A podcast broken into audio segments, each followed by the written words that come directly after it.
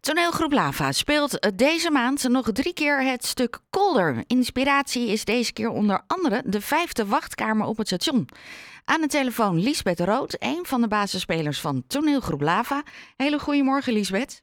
Goedemorgen Ellen. Voor iedereen die uh, de afgelopen keer nog niet geweest is of jouw interview nog niet heeft gehoord, waar gaat het stuk over? Het stuk gaat eigenlijk over, uh, nou, met, ja, over onze eigen mentale kwetsbaarheid, om het zo maar te zeggen.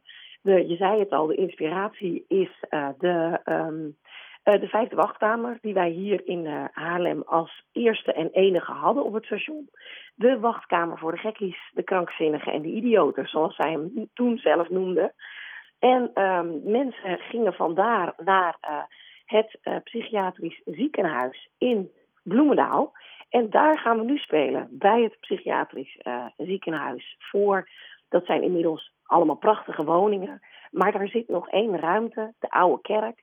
Uh, de Soggen Lounge heet dat. En daar gaan wij uh, dezelfde voorstelling nu spelen. En het leuke was dat uh, uiteindelijk Zandpoort Zuid, daar kwam ook een stationnetje, omdat al deze mensen daar naartoe gingen. En daar kregen ze ook een ja, vijfde wachtkamer. Alleen ze hadden er geen vijf, dat was gewoon een aparte wachtkamer. Voor de idioten, de krankzinnigen en de gekkies. En als je dan elke keer op een andere locatie het stuk moet spelen, betekent dat je dan ook iets moet aanpassen in hoe je speelt? Ja, we hebben zeg maar een soort basisvoorstelling. En, uh, maar we, kijken zeker naar uh, nou ja, nog wat specifieke dingen over deze locatie. Dus we hebben een prachtig boek wat ooit gemaakt is over TZ, hebben we erbij gepakt. En we hebben mensen daar gesproken die er gewerkt hebben. Dus we gaan de voorstelling ook wel weer een beetje uh, ja, aanpassen op die plek. En wat vooral heel anders is, is we maken locatietheater. En uh, de locatie is in dit geval kleiner. Uh, ziet er anders uit dan het zijnwezen. Dus ja, daar moeten we, daar moeten we wat mee op de, op de voorstelling zelf, op de avond zelf. Maar begin je dan nu al met voorbereidingen daarvoor? Mag je dan nu al in die ruimte rondlopen? Uh, nee, ja, we zijn er al wel geweest. En uh, de, nou ja, dan, dan uh, ga je even kijken, oké, wat hebben we hier? letterlijk meten, wat kan wel en wat kan niet. En we gaan er de woensdagavond gaan we erheen met onze amateurspelers. om hun ook even de plek te laten zien. En dan ja, eigenlijk op die avond besluiten we ook met hen van nou, oké, dat kan wel of dat kan op die plek.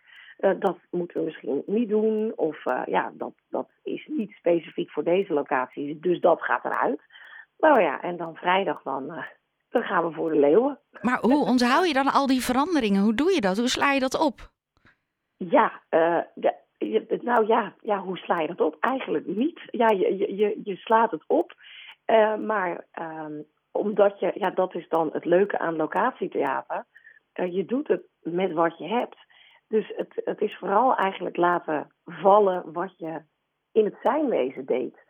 En, en heel erg openstaan voor ja, de plek waar je, waar je nu staat en de mogelijkheden. Want sommige dingen kun je ook niet van tevoren verzinnen.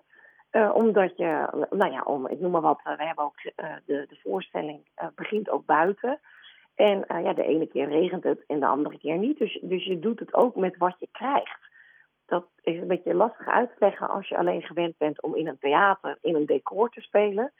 Maar het mooie aan locatietheater is uh, dat je letterlijk uh, je, je, je basisvoorstelling heb je zo goed ingestudeerd dat je op het moment uh, ja, alles wat je krijgt, of dat nou een, een vogel is die overvliegt of um, iemand die mee gaat praten, hebben we ook wel eens gehad in onze voorstelling dat mensen gewoon terug gaan praten. Ja, dat neem je mee. Ja. En, uh, dat vinden wij het allerleukste aan locatietheater.